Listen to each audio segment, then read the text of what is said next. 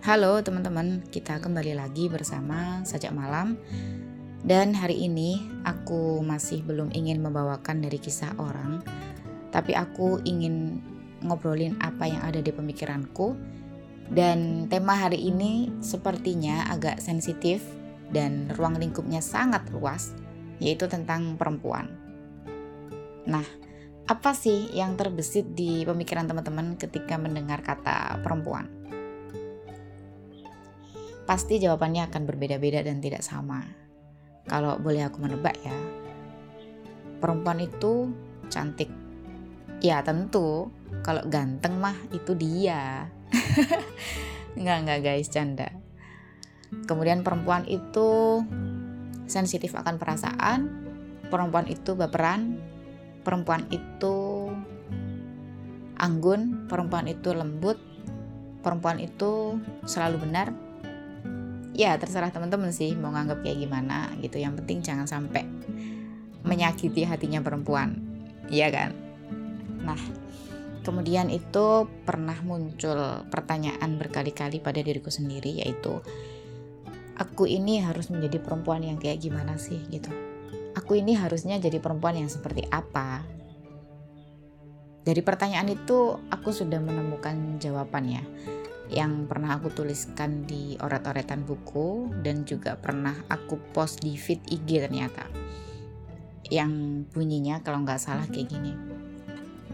Ada sebuah pesan. Nah sebenarnya pesan ini juga bukan pesan dari seseorang kepada aku gitu enggak. Tapi pesan dari diriku sendiri untuk aku gitu.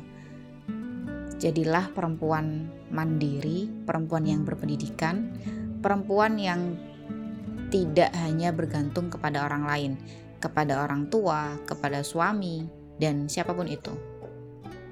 Dan jadilah perempuan tangguh yang tidak mudah goyah hanya karena perasaan. Nah, ini yang sudah aku dapatkan, dan pesan ini timbul karena beberapa hal yang melatar belakangi gitu. Di antaranya ada dua statement yang ingin aku bahas setelah ini gitu. Nah, statement yang pertama, jadi aku pernah dapat statement buruk gitu ya dari orang-orang sekitar aku di kampung yang mungkin um, kurang apa ya, kurang modern gitu ya dibilangnya. Dibilang kayak gini, kamu itu cewek gitu ngapain kamu belajar tinggi-tinggi? Ngapain kamu pintar-pintar ngapain kamu cerdas-cerdas gitu? Ujung-ujungnya nanti kodratmu itu hanya masak di dapur coba kalau teman-teman dapet kayak gitu tanggapannya kayak apa gitu dan aku mikir sih mungkin teman-teman udah familiar ya dengan uh, ungkapannya Mbak Nana, Mbak Najwa Shihab waktu itu pernah menyampaikan bahwa kodratnya perempuan tuh hanya tiga. Yang pertama mens, kemudian hamil, kemudian menyusui. Ya, kalau ini aku setuju. Ya emang kodratnya perempuan ya cuma itu gitu. Yang lainnya mah memasak, mencuci, menyapu itu kan bisa dilakukan oleh siapa pun. Tidak harus wanita, tidak harus perempuan. Iya kan? Nah, aku setuju sih dengan ini. Nah, statement di atas itu seakan menyalahkan perempuan yang belajar, menyalah, menyalahkan um, perempuan yang semangat untuk mencari ilmu. Padahal nih ya, dengan kita belajar, dengan kita sebagai perempuan yang semangat untuk menuntut ilmu, yang pasti otak kita itu akan digunakan untuk berpikir. Akal kita akan ikut bekerja.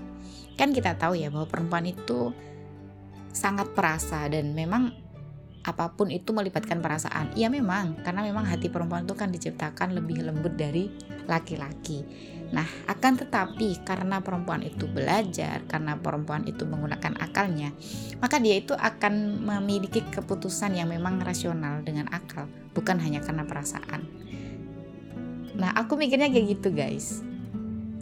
Oke, itu selesai ya. Jadi um, belajar itu sebenarnya juga untuk mensyukuri nikmat kita dihidupkan di dunia, kita uh, diberikan kesempatan untuk menuntut ilmu ya kenapa nggak digunakan gitu loh dan dengan kita belajar dengan kita menuntut ilmu ya pastinya kita akan lebih bermanfaat kepada orang lain kemudian statement yang kedua kamu tuh cewek ngapain gitu belajar tinggi-tinggi. Ngapain kamu cerdas-cerdas? Nanti tuh cowok-cowok pada takut deketin kamu. Oke, statement ini ya bener sih. Aku mikirnya ya bener, tapi nggak gitu juga cara ngomongnya. Dan ada makna tersirat loh sebenarnya dari statement itu. Menurutku ya itu malah bagus gitu loh.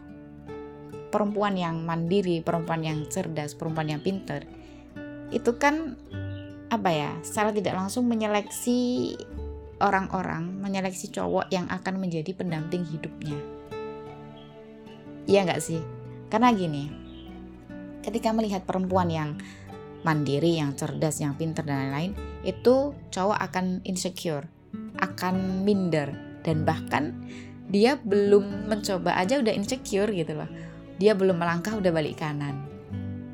Ya otomatis nanti laki-laki yang akan mendekati dia ini pasti juga orang-orang pilihan, orang-orang yang memang sudah siap untuk menerima perempuan ini, menerima kemandiriannya, menerima kecerdasannya. Kan ya bagus dong kalau gitu. Bahkan uh, dia itu perempuan ini bisa menjaga dirinya dari orang-orang yang tidak tepat. Ya enggak? Nah, aku mikirnya kayak gitu. Jadi ya bener sih kita belajar, kita mandiri, kita mengasah pemikiran itu ya bagus gitu loh. Sebagai bentuk melakukan penjagaan terhadap dirinya perempuan ini sendiri gitu loh. Paham nggak? Semoga paham sih.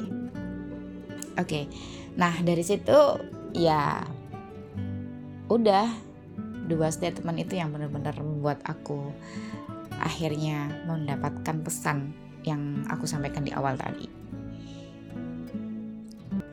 Oh ya, tapi ada yang perlu digarisbawahi ya. Kemandirian, kecerdasan, kepintaran dari seorang perempuan ini sama sekali tidak patut untuk dibanding-bandingkan dengan suaminya ketika ia sudah bersuami.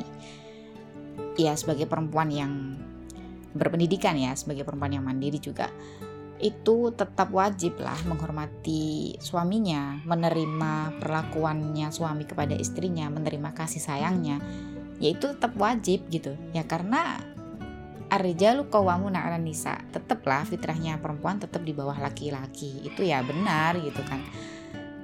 Ya udah gitu. Ngapain sih aku ngomongin ini orang aku aja belum pernah bersuami gitu ya. Udah guys, terima kasih ya udah mau dengerin dan bye bye.